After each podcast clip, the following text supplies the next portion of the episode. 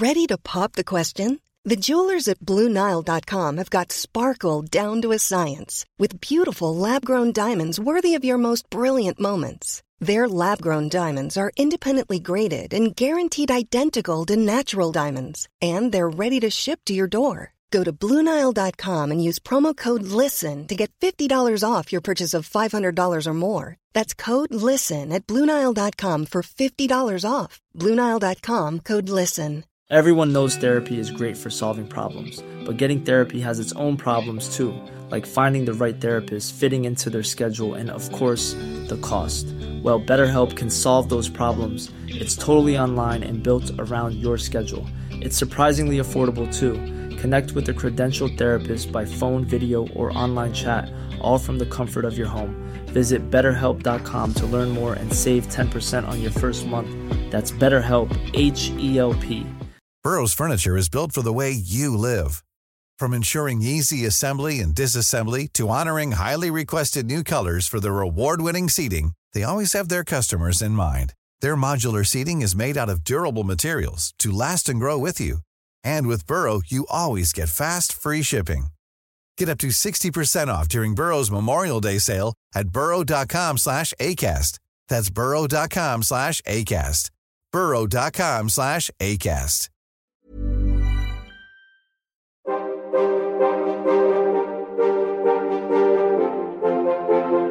De oudheid is fascinerend. Een enorme puzzel waarvan we stukjes hebben. En heel veel stukjes ook niet.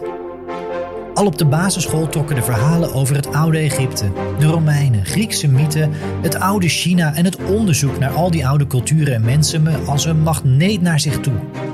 En ik wil meer. Graag neem ik, Timo Epping, je in deze podcastserie mee op reis naar het verre verleden. Ik ga in gesprek met wetenschappers die ons in iedere aflevering een uurtje meenemen in hun eigen onderzoek, hun eigen zoektocht naar de oudheid. Het is tijd voor de oudheid.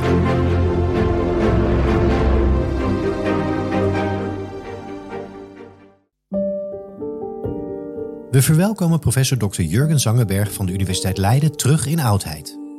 Eerder al sprak ik met Jurgen over het Jeruzalem van koning Herodes. De link naar die twee afleveringen vind je in de show notes. We staan nu weer voor een nieuw tweeluik met Jurgen. Twee afleveringen die mooi aansluiten op die eerdere twee uit 2023. Jurgen, fijn dat je ons wederom meeneemt naar de oudheid. Je gaf vorig jaar al een voorzet. Je zou ons mee gaan nemen naar Galilea, naar Jezus en de mensen om hem heen. En waarom is dat na Jeruzalem en Herodes de Grote, om het zo te zeggen, de logische volgende stap in onze reis naar de oudheid? Ja, nou ja, um, dank dat ik um, weer dit gesprek met jou mag voeren. Um, nou ja, het interesse aan Herodes is natuurlijk ook heel erg gebaseerd uh, op uh, het interesse aan Jezus algemeen. Vooral als het niet over streng wetenschappelijke groepen gaat. Uh, er is natuurlijk ook heel veel te zeggen over gedegen onderzoek over Herodes zelf. Uh, daar hadden we afgelopen keer over gepraat. Maar Herodes komt natuurlijk in het Nieuwe Testament voor. Een aantal Herodesen eigenlijk, die uh, niet dezelfde persoon zijn. Misschien kunnen we daar ook nog eens over praten. En dan is Herodes staat natuurlijk ook een beetje zo voor die cultuur en de tijd zelf. Die breder in ja, wat wij nu de Levant noemen speelde. En daar hoort dan ook Jezus bij. Dat is dan ook heel vaak de zeg maar, socio-historische achtergrond van Jezus van Nazareth en de zogenoemde Jezusbeweging, die wij dan in de vier evangelies en andere teksten ook terug zien komen. En dan natuurlijk, als je dat uh, nog een beetje verder trekt, nou ja, dat is natuurlijk dan de kraamkamer van het vroege christendom. En een heel belangrijk stuk van de westerse cultuur is gebaseerd op die regio. Nou ja, en daar speelt natuurlijk de Herodes de Grote en andere Herodesen spelen daar een grote rol bij. Ja, ja, heel interessant. Misschien moeten we dat gelijk dan uh, voor de luisteraar nu vast gaan stellen. Herodes de Grote hebben we besproken, maar er zijn meerdere ja. in zijn navolging Herodesen. Over welke Herodes, uh, eventjes om dat goed op een rijtje te krijgen, hebben we het dan precies? Nou, afgelopen keer hadden we het over Herodes de Grote. Dus die koning die over het hele gebied van het zuiden, Negev-woestijn, naar het noorden Galilea had geheerst. En dan van de kust naar, naar het oosten richting Zuid-Syrië. En dit gebied werd na zijn dood opgedeeld. Hij was koning afhankelijk van Augustus, de, de keizer in Rome. Dus hij had zijn testament eigenlijk voor moeten leggen aan Augustus om dit goedgekeurd te krijgen. Hij mocht dat niet zelf besluiten, omdat zijn koninkrijk was eigenlijk deel van het Romeinse Rijk. En uh, Augustus heeft een aantal besluiten genomen. Eén was uh, de titel koning is goed voor Herodes geweest, maar niet voor zijn opvolgers. De uh, aantal zonen die overgebleven zijn, niet slachtoffer waren geworden van Herodes moordlust en wantrouwen waren drie overgebleven. En een, en een dochter, een zus, um, die speelt eigenlijk geen grote rol. Salome, die kreeg een klein stukje, Ashkelon. Maar drie zonen die allemaal ook Herodes waren genoemd, met een bijnaam bij. En die kregen dan delen van het rijk van Herodes overgedragen door, door Augustus, zonder de titel Basileus, koning, maar een wat lagere titel, ja, vorst. Tetragos, uh, Etnagos. Uh, dat zijn de, de Griekse titels en dat is een heel duidelijk verschil uh, in, in rang, ja, om het zo uit te drukken.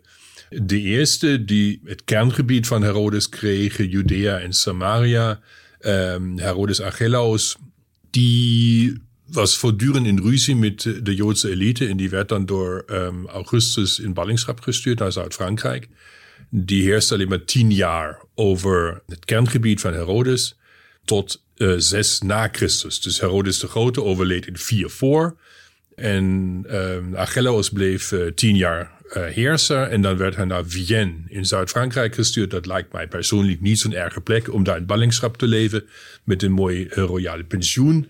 Maar hij was gewoon out of the business. En in dit gebied, het kerngebied met de hoofdstad Jeruzalem, en de kust ook, Caesarea, die werd dan Romeinse provincie. In, in dit gebied krijgen wij dan Romeinse gouverneurs. Eigenlijk werd daardoor de laatste stap genomen door de Romeinen om directe controle uit te oefenen over dit territorium. Eigenlijk zie je een soort van downscaling van een koning naar het nagos en dan een provincie. Ja, um, met een Romeinse gouverneur. De bekendste is natuurlijk Pontius Pilatus, maar verhaal begon al uh, zes na Christus met de inrichting van de provincia. En dat was een soort van appendix bij de grote provincia Syria. Die heel erg belangrijk was, strategisch van ontzettend groot belang voor de Romeinen. Um, omdat ten oosten van Syrië ook de grens liep met de Parten. Dus dat was echt um, heel rijk en een heel um, betekenisvol gebied. Oké, en dan bleven twee andere gebiedjes over. Direct ten noorden uh, van Samaria heb je Galilea.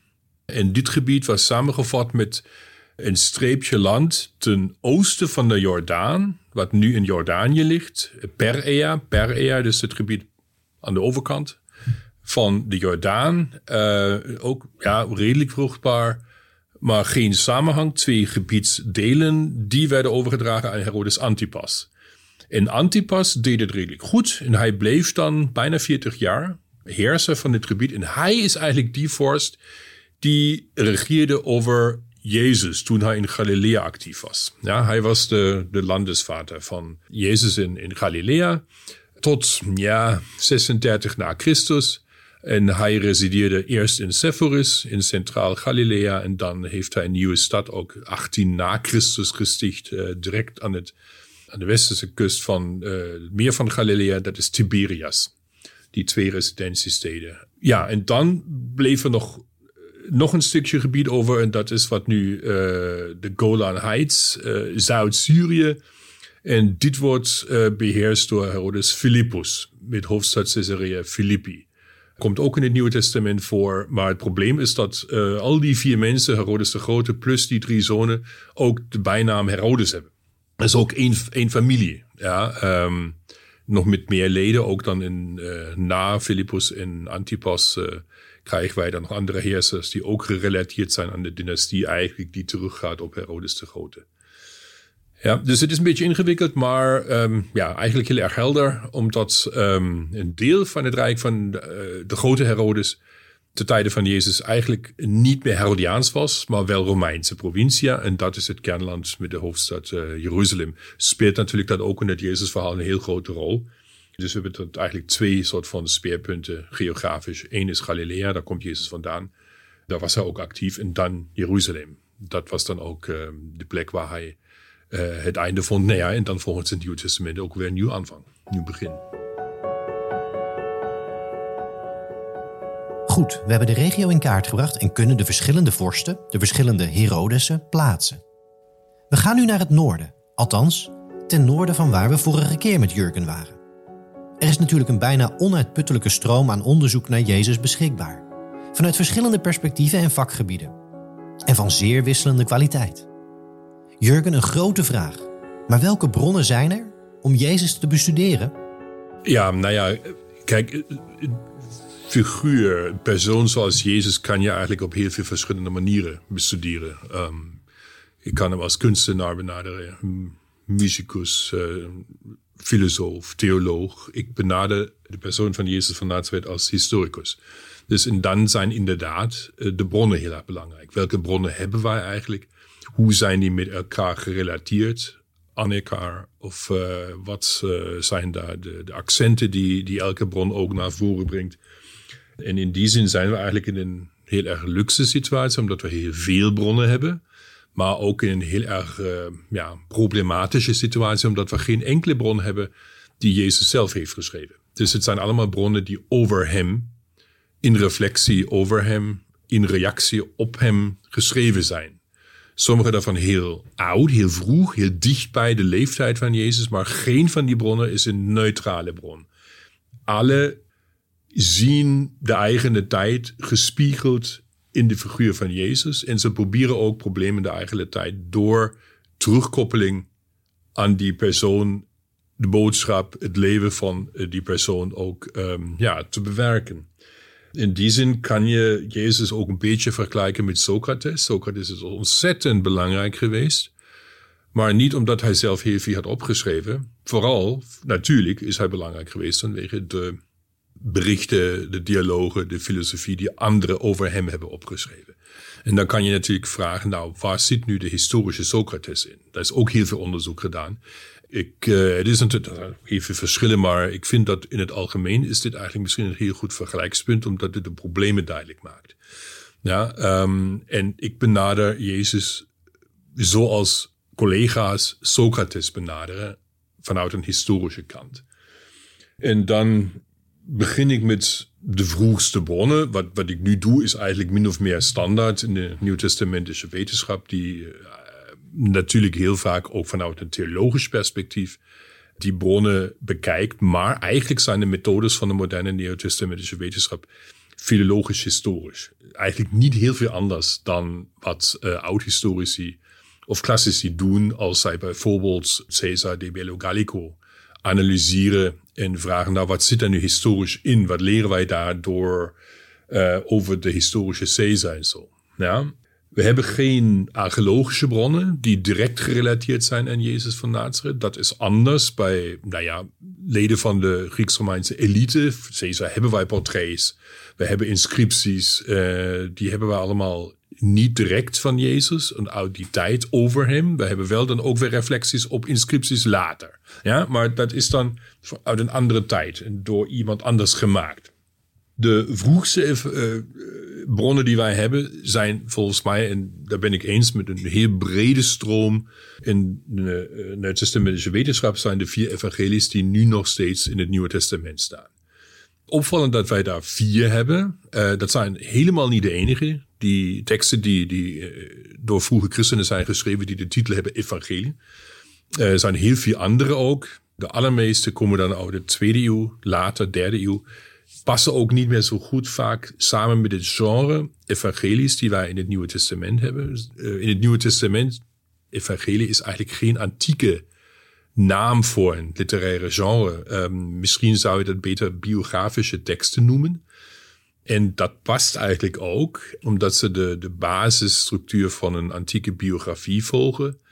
Daar moet je weten dat in de antieke biografieën heel vaak een morele doel hadden. Dus mensen overtuigen op de basis van één persoon die als voorbeeld bijgehaald wordt. Ethiek is heel erg belangrijk. De exemplariteit van een bepaald soort van leven. Uh, de dood speelt daar een heel grote rol. Uh, en daarmee kan je eigenlijk de evangelies het beste vergelijken. Natuurlijk zijn de evangelies uit een specifiek christelijk perspectief geschreven.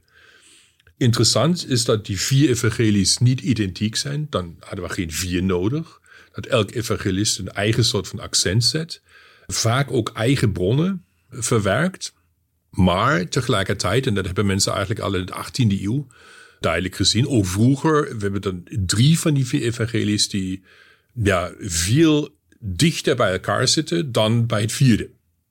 Dus uh, en nu komt het een beetje, de twee bronnen theorie. Uh, klinkt een beetje ouderwets, maar ik vind die nog steeds overtuigend. Uh, de eerste drie evangelies, Matthäus, Marcus en Lucas, hangen literarisch met elkaar samen. Johannes is heel zelfstandig.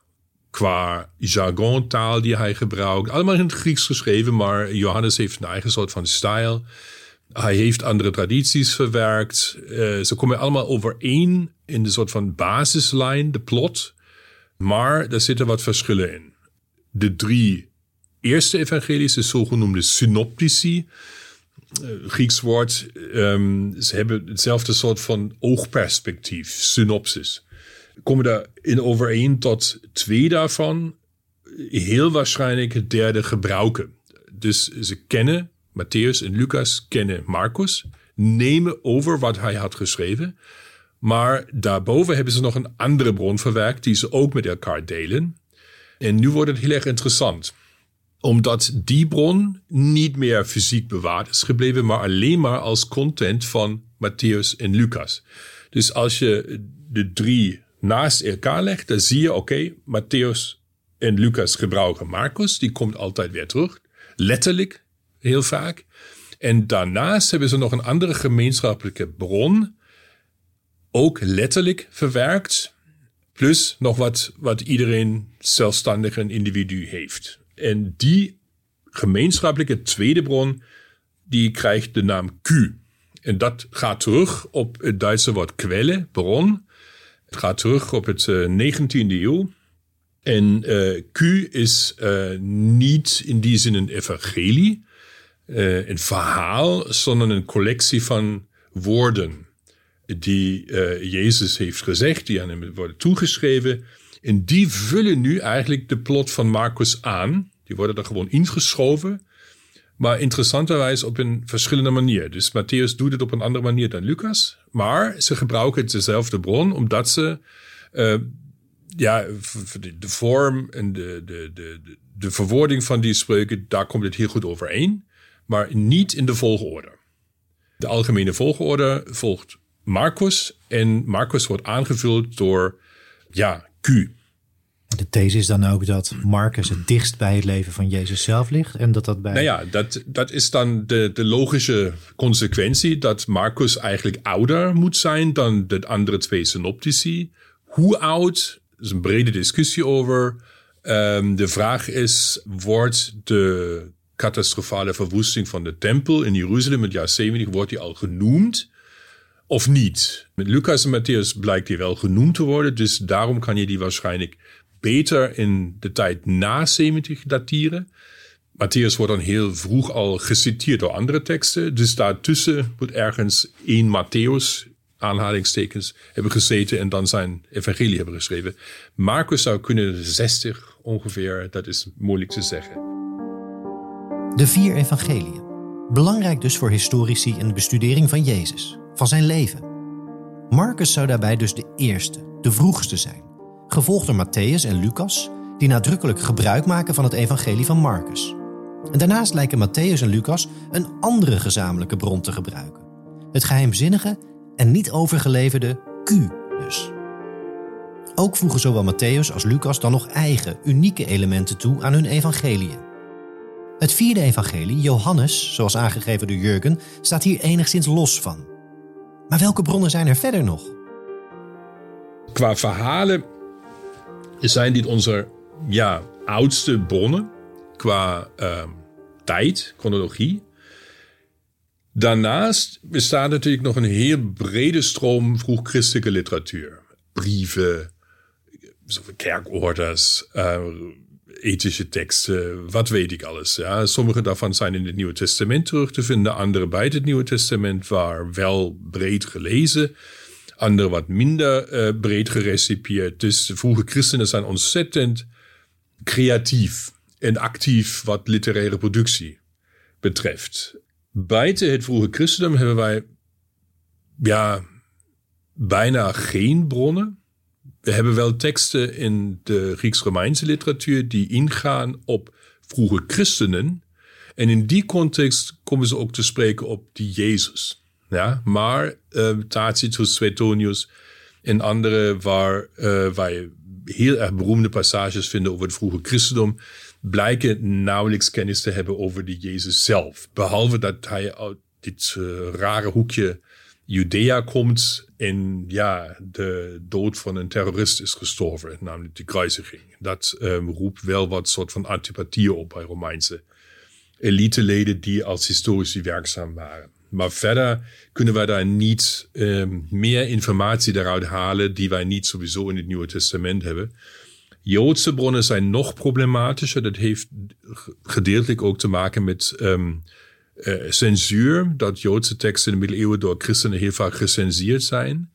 En uh, met de ja, precaire situatie van Joodse gemeentes onder uh, christelijk gezag zodat Joden heel erg voorzichtig waren om geen kritiek uit te uiten uh, over Jezus, omdat ze dan ja, geweld hadden moeten um, verwachten.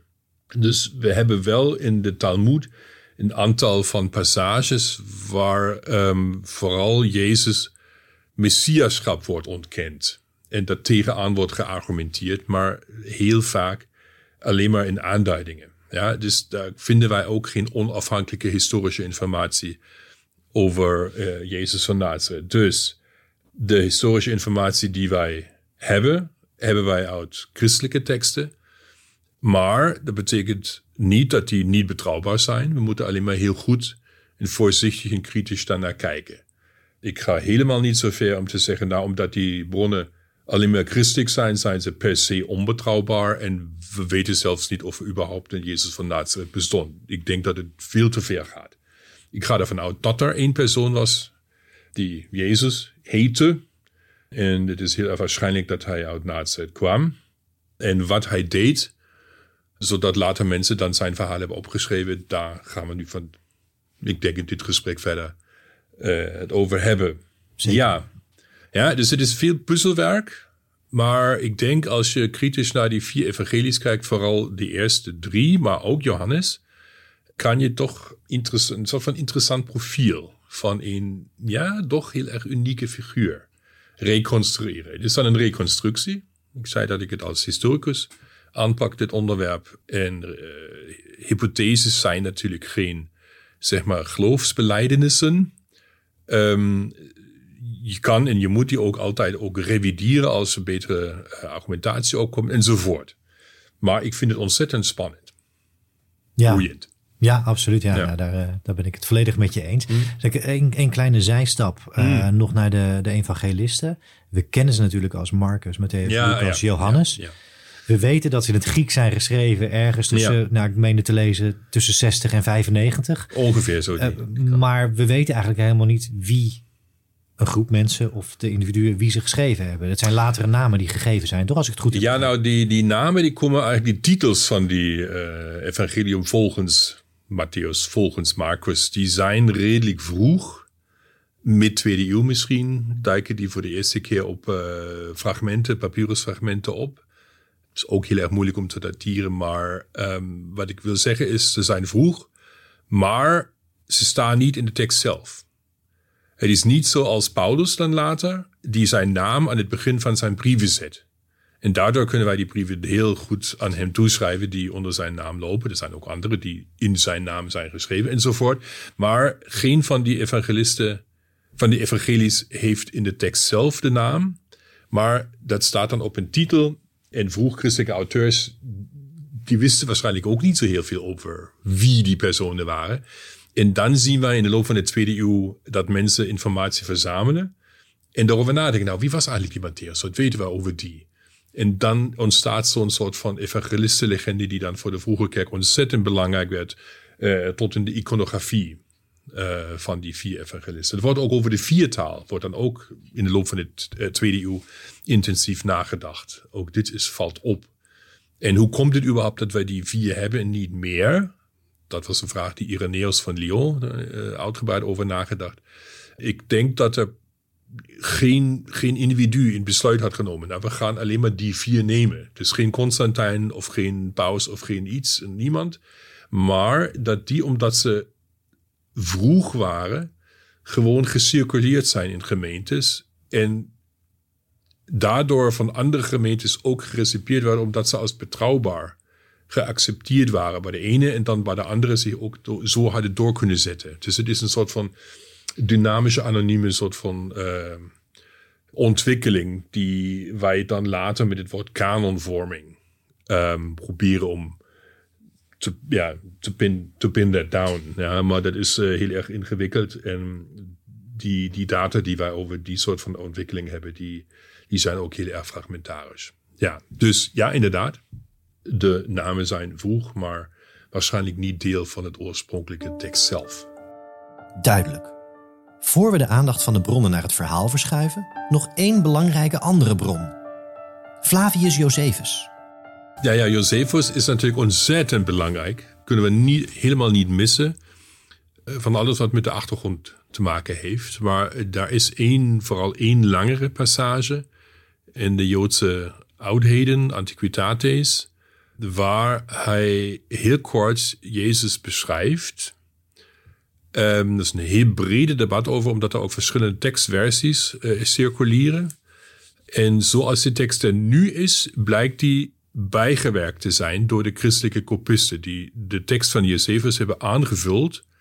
Het is heel waarschijnlijk dat Josephus over Jezus had geschreven, maar uit een Joodse perspectief. Hij is natuurlijk Joodse priester, hij is niet christen geworden, maar als je het nu leest, dan, leest het heel erg christelijk dat die Jezus de Messias was enzovoort. Um, ik neem aan, het is heel erg moeilijk om te zeggen, nou wat is er nu eigenlijk toegevoegd en wat is origineel Josephus? Josephus beschrijft ook Johannes de Doper bijvoorbeeld, die kent hij ook, is ook een historisch figuur. Uh, ook een mooie soort van brug tussen het Nieuwe Testament en andere contemporaine of uh, bijna contemporaine teksten. Maar ik denk dat uh, Josephus Jezus plaatst in die reeks van ja, profetische figuren die bij hebben gedragen aan de creatie van een bepaalde sfeer voordat de tempel verwoest werd. Hij is een van die mensen die gewoon volgelingen verzamelen, uh, kritiek uiten aan de tempel. En dat is historisch eigenlijk ook um, heel erg plausibel wat hij deed, maar voor de christelijke kopisten was het niet voldoende. Het was niet genoeg, omdat Jezus natuurlijk veel meer was dan andere profeten. En dat laat ook iets zien. Josephus is via christelijke monniken, christelijke kopisten bewaard gebleven. Dus niet via een uh, Joodse traditielijn, hoewel hij Joods was. En als Jood ook had geschreven, die werken. Maar um, omdat hij zo'n ontzettend interessante bron is, werd hij door christelijke monniken, vooral in de kloosters, uh, gekopieerd. En daarom hebben wij die nog. Ja. Gelukkig. En met Josephus, die we gelukkig nog hebben, maken we de bronnenlijst compleet. Met die bronnen is het dan aan de wetenschapper om te proberen een reconstructie te maken, zoals Jurgen al aangaf. Maar om die reconstructie te kunnen maken, is het ook noodzakelijk om de context te begrijpen, te duiden. Jurgen, als we naar Galilea gaan in die periode, het begin van het leven van Jezus, wat treffen we daar dan aan? Ja, um, vroeger had je eigenlijk de antwoord kunnen krijgen van de wetenschappers. Het is een heel ruraal gebied, rustig, een beetje de achterhoek. Uh, boeren en vissers, een beetje zoals je dat ook uit het Nieuwe Testament kan halen. Je hebt wel wat steden, maar die zijn niet zo heel erg belangrijk. Um, maar ik denk dat dit nu in verband met recente opgravingen ook en een, een, nieuwe zicht op de regionale structuur van het hele gebied ook um, eigenlijk helemaal ouderwets is. En dat kan je niet meer zeggen. Dus ik denk dat Galilea in het eerste eeuw, dus de tijden van Jezus van Nazareth, een heel erg dynamische regio was, die in transitie was. Het is deel van de Levant, die überhaupt onder de Romeinen heel erg in overgang was. We zien een soort van urbanisatie gebeuren, we zien heel erg veel handel gebeuren. En dan zit natuurlijk Galilea tussen de kust en het meer van Galilea heel erg um, gunstig. Het is een soort van tussengebied. Ja, als je uh, goederen van de kust van de grote havensteden naar het, uh, het binnenland wilt transporteren, waar ook heel grote steden zitten, ten oosten van de Jordaan en het meer van Galilea, de zogenoemde Decapolis, Zuid-Syrië, dan moet je door Galilea heen. Dus het is eigenlijk geïntegreerd in een brede, um, brede systeem van, van, steden, van handel. Zijn mensen die heen en weer reizen door Galilea. Het is niet afgesloten, het is geen achterhoekje. Je hebt wel natuurlijk nog, net zoals overal in de oude wereld, heb je um, dorpen, je hebt boeren, je hebt vissers. Mm, je hebt um, ja, traditionele manier van leven. En daarnaast, direct daarnaast, heb je heel erg soort van urbane, moderne cultuur. En je ziet meer en meer mensen gewoon zich aansluiten bij de brede stroom van Hellenisme. Ja, um, de architectuur, de kunst, decoratie, manier van aardewerk. En al dit wordt meer en meer overgenomen. Ook door de inmiddels Joodse bevolking van Galilea. Misschien gaan we daar nog even op in. Waar komen de Joden vandaan? Jezus was een Jood uit Galilea. En je ziet ook heel veel indigene culturen nu onder de invloed raken van de Hellenisme. Ze moeten keuzes maken. Ze moeten keuzes maken. Wat willen wij eigenlijk bewaren van de eigen traditie? Wie zijn wij überhaupt? En waar kunnen wij wel meegaan? Omdat de dingen daardoor makkelijker, mooier, leuker worden. Als je gewoon je kleedt als een Griek, eet als een Griek, woont als een Romein enzovoort. Ja? Um, en dan zie je de elite andere keuzes maken heel vaak dan de gewone traditionele boerenfamilies op het platteland enzovoort. Dus het is een ontzettend dynamisch gebied. In het Nieuwe Testament zelf zie je dat eigenlijk alleen maar indirect terugkomen. Maar uh, vooral ook door de archeologie is dit, dit beeld heel erg veranderd. En dat is ook heel erg interessant, omdat je niet meer van uit kan gaan dat uh, de evangelies incorrect uh, een representatief beeld van die regio leveren. Ja, ze maken, de auteurs maken ook keuzes en ze transporteren een ja, eigen beeld van dit gebied dat goed gekoppeld kan worden en in kritische dialoog gebracht moet worden met andere beelden, zoals het beeld van Josephus, dat hij, ja, ook vanwege zijn eigen rol in Galilea, schetst in zijn boeken. En ook het beeld dat de rabbijnen uh, later van Galilea transporteren. En dan vooral, wat heel erg belangrijk is, de archeologie zelf. En dan met sprake van het eerste voor, eerste na Christus. Galilea. Interessante verschuivingen de afgelopen jaren dus in hoe we dat gebied moeten zien in die periode. De periode van Jezus. Jurgen sprak dus over een elite en wat we dan maar de gewone mensen noemen.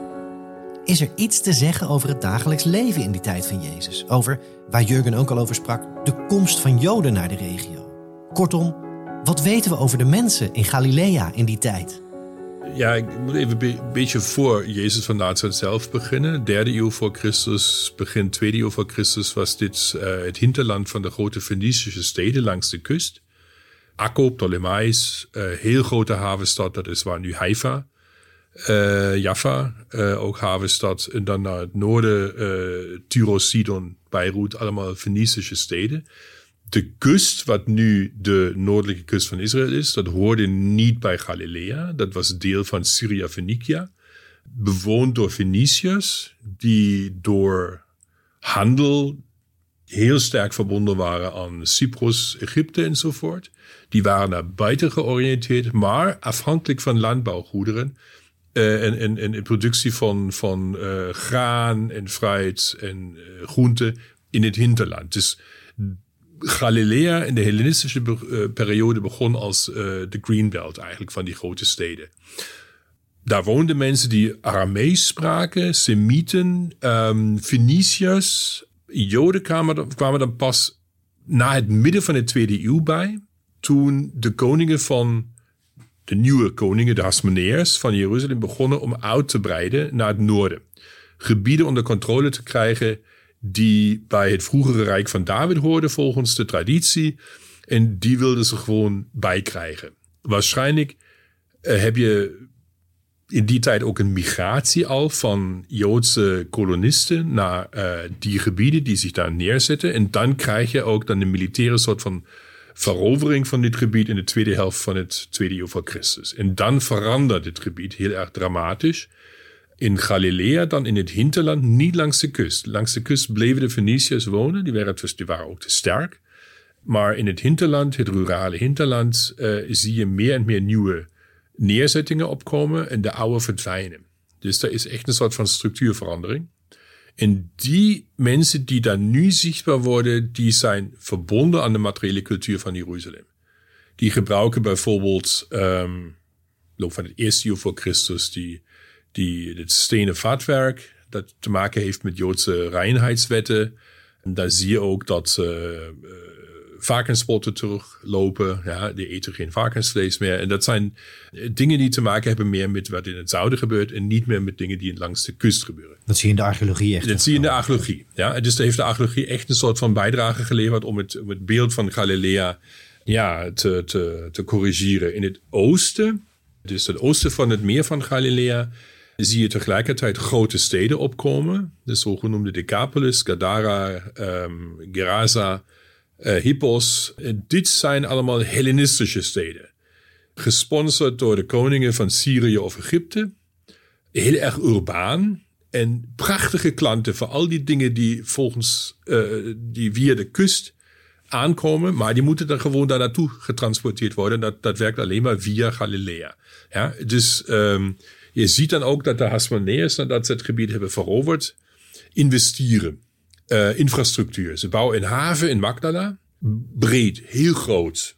Om waarschijnlijk ja, tol te, te innen um, vanwege transport en handel. Ze willen daar gewoon ook aan die, die stromen van goederen ook profiteren, baat van hebben. Die Joodse bevolking in Galilea zelf, die groeit onder de Hasmoneërs. Het gaat eigenlijk heel goed. Dus we zien steeds meer nieuwe uh, kleine neerzettingen bijkomen. Zodat we in de tijd van Jezus een piek hebben. Echt een soort van hoogtefase van de, de bevolking, uh, gebruik van dit land. En dat zijn vaak boeren. Maar tegelijkertijd zien wij ook dat op het platteland de diversificatie toeneemt. Er zijn mensen die rijker zijn dan anderen de gewone traditionele oude structuren die gaan nu veranderen. differentiëren, uit elkaar lopen. Lokale elites uh, die nu beginnen om hun mooie muren te schilderen zoals dat de Grieken doen. Langs de kust of in de Decapolis-steden. Uh, die willen ook dan hun status, hun rijkdom laten zien. Anderen kunnen dat niet. Ja? We zien ook dat er meer en meer munten worden gebruikt. Een soort van monetarisering dat levert natuurlijk potentieel problemen op voor mensen die eigenlijk nog ruilhandel bedrijven, die, die niet zo heel erg veel mogelijkheden hebben om munten te verdienen, geld te verdienen met hun landbouwproducten bijvoorbeeld. Je ziet ook een, groeiende afhankelijkheid van het platteland, van de steden. Uh, steden zijn daar waar besluiten worden genomen, daar waar waarschijnlijk ook eigenaren zitten van land dat door anderen wordt bebouwd. Ja, dus een soort van um, ja, dynamisering van de sociale verhoudingen ook. Dat zie je wel in het Nieuwe Testament terugkomen. Er is heel veel sprake van de armen die gemarginaliseerd worden. Er is heel veel sprake ook van rijken die helemaal niet letten op de armen. En je hebt heel veel gelijkenissen ook, vooral in de Jezus-verkondiging, uh, die te maken hebben met uh, administratoren van landgoederen en, en die dingen. Ja, dat is een beetje de sociale realiteit krijgt ook meer en meer steden, urbanisatie. Magdala is een grote stad, groeit oud. Daar dachten mensen eigenlijk tot uh, tien jaar geleden, dat is een klein dorpje waar Maria van Magdala vandaan komt. Heel erg romantisch daar, absoluut niet. Het is echt, uh, heb je scheepsbouw, je hebt handel, je hebt uh, heel veel opslagplaatsen voor goederen die gewoon van de kust komen. En dan via het meer, dat eigenlijk niet zo heel groot is. waarom eigenlijk al die, die investering? Nou ja, het heeft daarmee te maken dat de Hasmoneërs en dan later Herodes Antipas daar graag een marktplaats wilden hebben. Waar ze ook geld konden verdienen. Eh, een soort van outpost ook van de Decapolis-steden. De Decapolis-steden. Een groep van tien steden, een tien stedenbond, waarover overigens op basis van de bronnen discussie bestaat onder wetenschappers. Maar tot die groep van steden behoorden onder andere Damascus in het huidige Syrië, Gerada, het huidige Jirash in Jordanië, Philadelphia, nu Amman, hoofdstad van Jordanië en meer. Dat terzijde. Terug nu naar Jurgen. Want welke taal of talen werden er in die tijd van Jezus in Galilea gesproken? En wat weten we nog meer? Um, in Galilea zelf woonden vooral, maar niet uitsluitend, Joden. Heel veel mensen spraken Aramees. Een klein aantal ook Grieks. Dus het is een soort van gebied dat meertalig was. We zien het aan plaatsnamen. Magdala, dat is de Arameese naam. Migdal. Toren. Misschien een kleine vuurtoren vanwege uh, scheepvaart op het meer. Maar daarnaast hebben we een Griekse naam Tarigea. En Tarigos, dat is de gedroogde vis.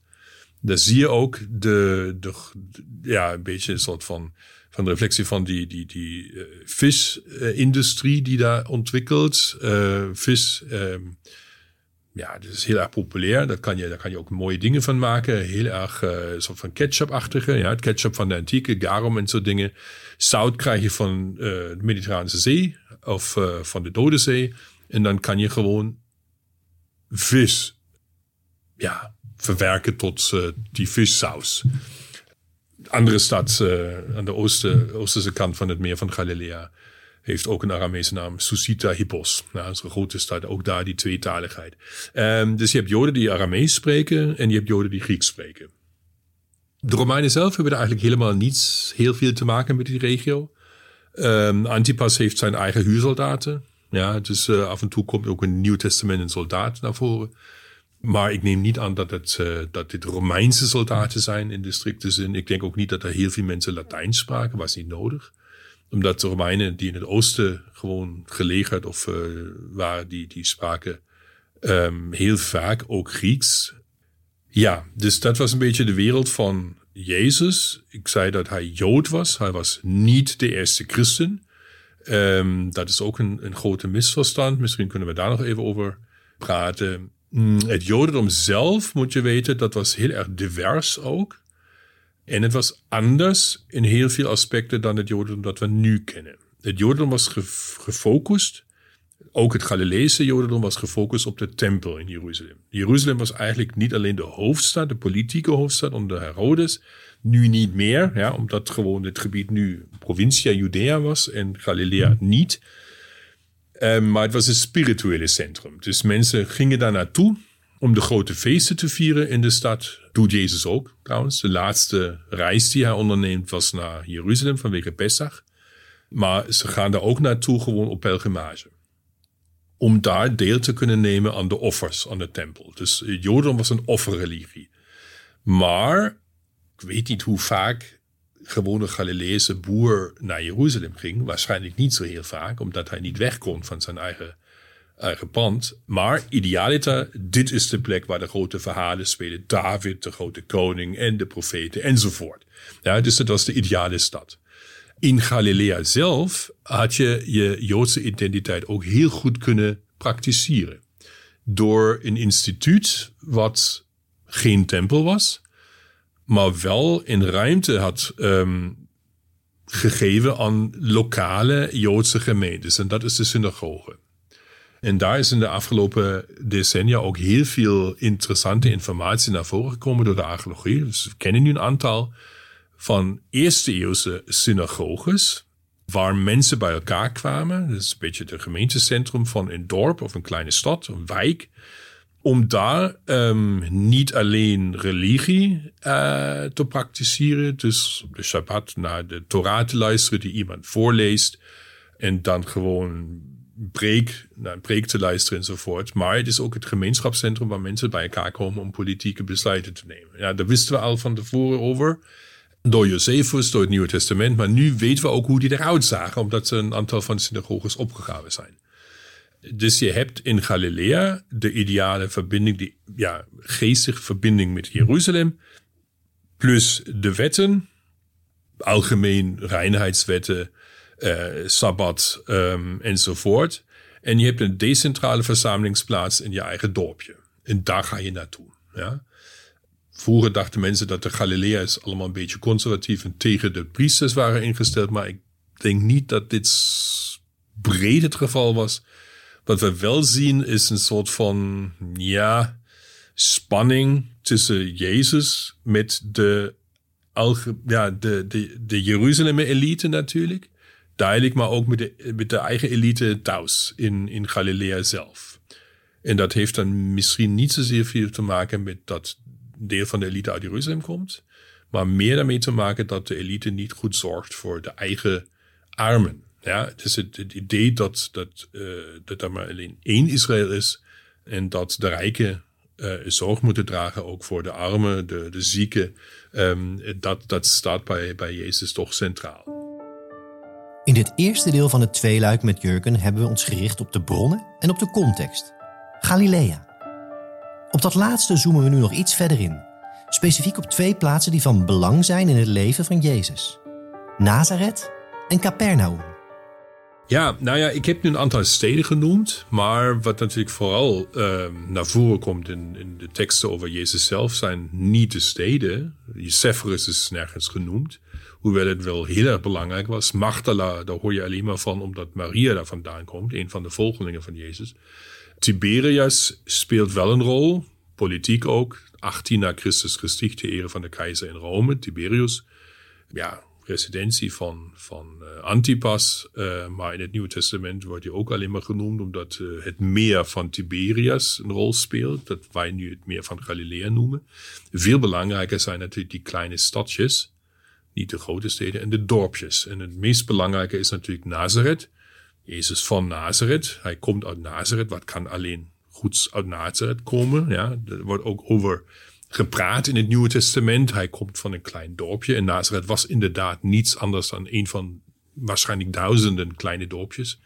Misschien 200 inwoners, een paar families samen. Dus we hebben een, heel, een redelijk goed beeld hoe groot Nazareth eigenlijk alleen maar had kunnen zijn.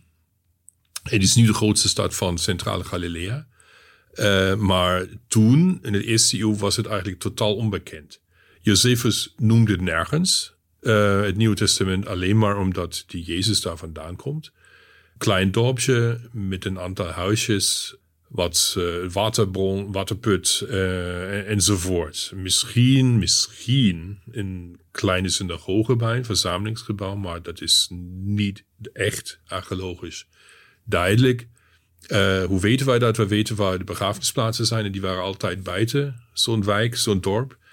Dus we kunnen ongeveer zeggen waar de neerzetting eigenlijk stopte. Vanwege daar beginnen dan de graven. En dat is niet heel groot. Hoe die huisjes eruit zagen, daar hebben we ook een redelijk goed uh, beeld van, omdat er een aantal opgegraven zijn. Vooral door Franciscaanse archeologen onder de grote kerken, die nu nog een heel grote uh, rol spelen bij pelgrimages. Oké, nou ja, en dan uh, wat eigenlijk voor de Jezusbeweging veel belangrijker is, dat is Capernaum, direct aan het meer. Dat is een beetje het basecamp geweest. Um, Matthäus noemt het uh, Jezus' eigen stad, polis. Uh, in het Grieks, nou ja, als wij polis horen, dan hebben we natuurlijk de grote Griekse steden een beetje in, in het achterhoofd. dat is helemaal ehm, ja, niet het geval. Het zijn geen polis, maar het is gewoon in, wat in het Engels een town had genoemd kunnen worden. Het is geen city, maar een town. Het is ook geen village. Ergens daartussen zat dan Capernaum, 800 inwoners misschien.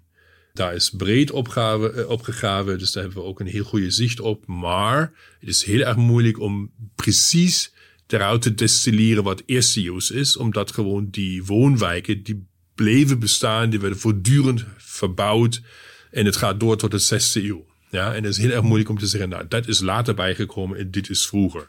Maar eh, wat we wel kunnen zien is dat um, Capernaum redelijk welvarend was vanwege vissen, uh, visvang. Het ligt ook aan de grens van het gebied van Antipas. Uh, er wordt ook een tolstation genoemd in het Nieuwe Testament. Er was een beetje infrastructuur ook daarbij. Uh, het was niet helemaal afgesloten. Mensen hadden toegang naar luxe aardewerk bijvoorbeeld. Uh, ze, ze, wisten glas te verwerven. Um, het was absoluut niet afgesloten en de mensen daar waren niet algemeen arm. Ja, er waren mensen die ook uh, eigenaren waren van uh, boten, schepen, om uh, mee te kunnen doen bij visvang en transport. Heel veel interessante vragen. Hoe goed ging het met die mensen? We kennen ook nog een ander klein vissersdorpje, dat is uh, Bethsaida, ook recentelijk opgegraven. Dat is geen stad, maar een van die visserdorpjes. Dus we krijgen meer en meer details te zien om te begrijpen hoe divers dit gebied eigenlijk was, um, sociaal, architectonisch enzovoort. Maar het was allemaal Joods. Maar Jurgen, toch nog een laatste vraag deze aflevering. Sommige mensen zullen zeggen: Jezus van Nazareth kwam toch uit Bethlehem?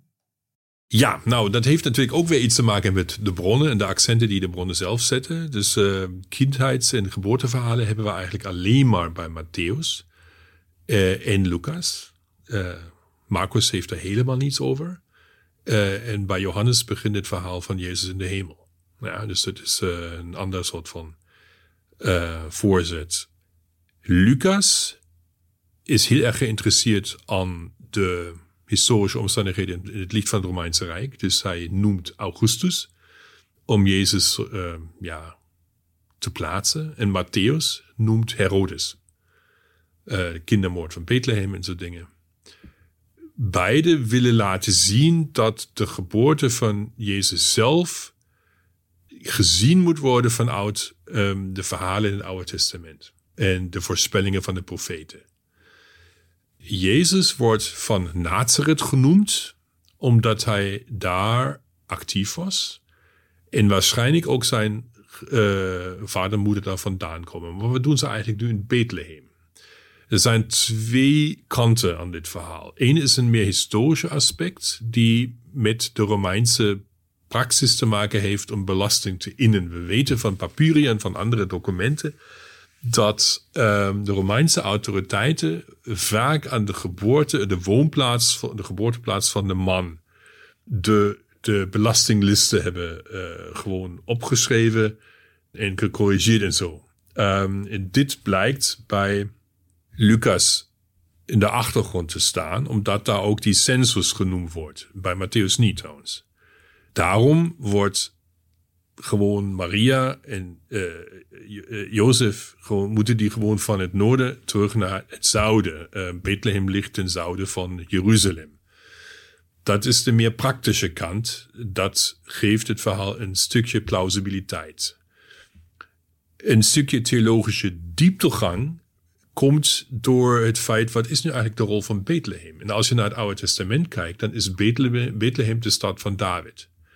En dan zie je een aantal van uh, profetische teksten, ook uh, verhalen van, van Samuelboeken, dat de nieuwe Messias natuurlijk ook uit de stad van de oude koning moet komen. En daarom kon het eigenlijk helemaal niet anders, ook uit de ogen van, van uh, Lucas, dat gewoon de heilige familie het kindje krijgt in Bethlehem. Om gewoon die die karakter van, nou, Jezus is nu geen klein babytje, maar het is een klein kindje dat dan later de koning wordt. En daardoor wordt de dynastie van David weer gewoon uh, gecontinueerd. Dat moest zo komen. Kon helemaal niet anders. En dat maakt het hele verhaal dan vanuit een historisch oogpunt weer toch een beetje verdacht. Ja, maar eh, het is ook heel erg ingewikkeld hoe de twee verhalen Matthäus en, en, Lucas um, Jezus datieren. Het kan eigenlijk niet dat ze allemaal gelijk hebben, omdat Matthäus datiert de geboorte van Jezus in de context van uh, de dood van Herodes. Daar weten wij, Herodes is vier voor Christus overleden. Lucas relateert de geboorte van Jezus aan die census, die belasting op, ja, zeggen dat ze belastingdocumenten opzetten uh, in de context van de stichting van een nieuwe provincie. En dan wordt die Sulpicius uh, Quirinius genoemd, die uh, de financiële administrator was van Syria. Um, en daar is niet heel erg duidelijk. Er zijn verschillende mogelijkheden wanneer die meneer eigenlijk actief had kunnen worden. Het meest plausibele is dat een census wordt doorgevoerd bij de inrichting van een nieuwe provincie. Judea, die bestaat pas sinds 6 na Christus. Dus heb je die twee alternatieven. En ik sluit mij daar heel vaak bij Marcus aan, die daar helemaal niets over zegt. maar um, ja, Matthäus heeft trouwens ook een theologische insteek. En die heeft te maken met uh, het spelen van de, uh, de kwade heerser. Uh, in reminiscentie natuurlijk met de farao. Daarom gaat de heilige familie dan naar Egypte. En komt dan weer terug. Ja, zijn ook reminiscenties, maar van een andere soort dan in, in Lucas. Dus je ziet al die auteurs een beetje spelen met de, de theologische dieptegang van wat hier wordt verteld. En hier eindigt het eerste deel rond Jezus van Nazareth met professor Dr. Jurgen Zangenberg. En zoals gezegd, de bronnen en de context kennen we nu. In de volgende aflevering richten we ons op de reconstructie van het leven, het verhaal van Jezus zelf. Wie was hij en wat verkondigde hij?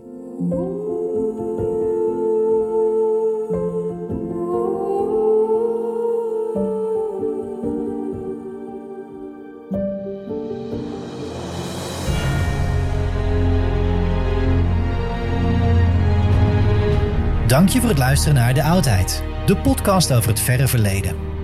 En wil je meer oudheid? Vergeet dan niet om de podcast te volgen daar waar jij podcast luistert. Iedere nieuwe aflevering verschijnt dan automatisch in je feed. Likes en reviews worden uiteraard gewaardeerd en vergeet vooral ook niet om de podcast met iedereen die jouw interesse deelt te delen. Heb je ideeën of suggesties voor de podcast? Mail dan naar info@eppingproductions.nl.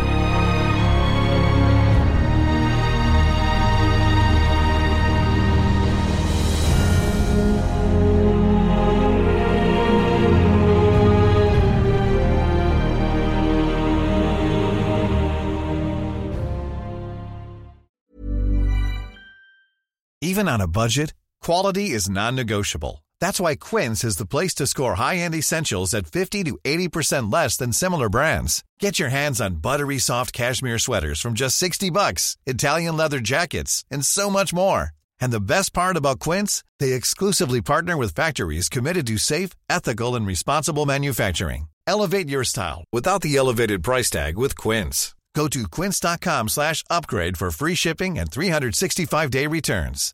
Hi, I'm Daniel, founder of Pretty Litter. Cats and cat owners deserve better than any old-fashioned litter. That's why I teamed up with scientists and veterinarians to create Pretty Litter. Its innovative crystal formula has superior odor control and weighs up to 80% less than clay litter. Pretty Litter even monitors health by changing colors to help detect early signs of potential illness. It's the world's smartest kitty litter. Go to prettylitter.com and use code ACAST for 20% off your first order and a free cat toy. Terms and conditions apply. See site for details. Even when we're on a budget, we still deserve nice things. Quince is a place to scoop up stunning high end goods for 50 to 80% less than similar brands. They have buttery soft cashmere sweaters starting at $50, luxurious Italian leather bags, and so much more. Plus, Quince only works with factories that use safe, ethical, and responsible manufacturing. Get the high-end goods you'll love without the high price tag with Quince. Go to quince.com slash style for free shipping and 365-day returns.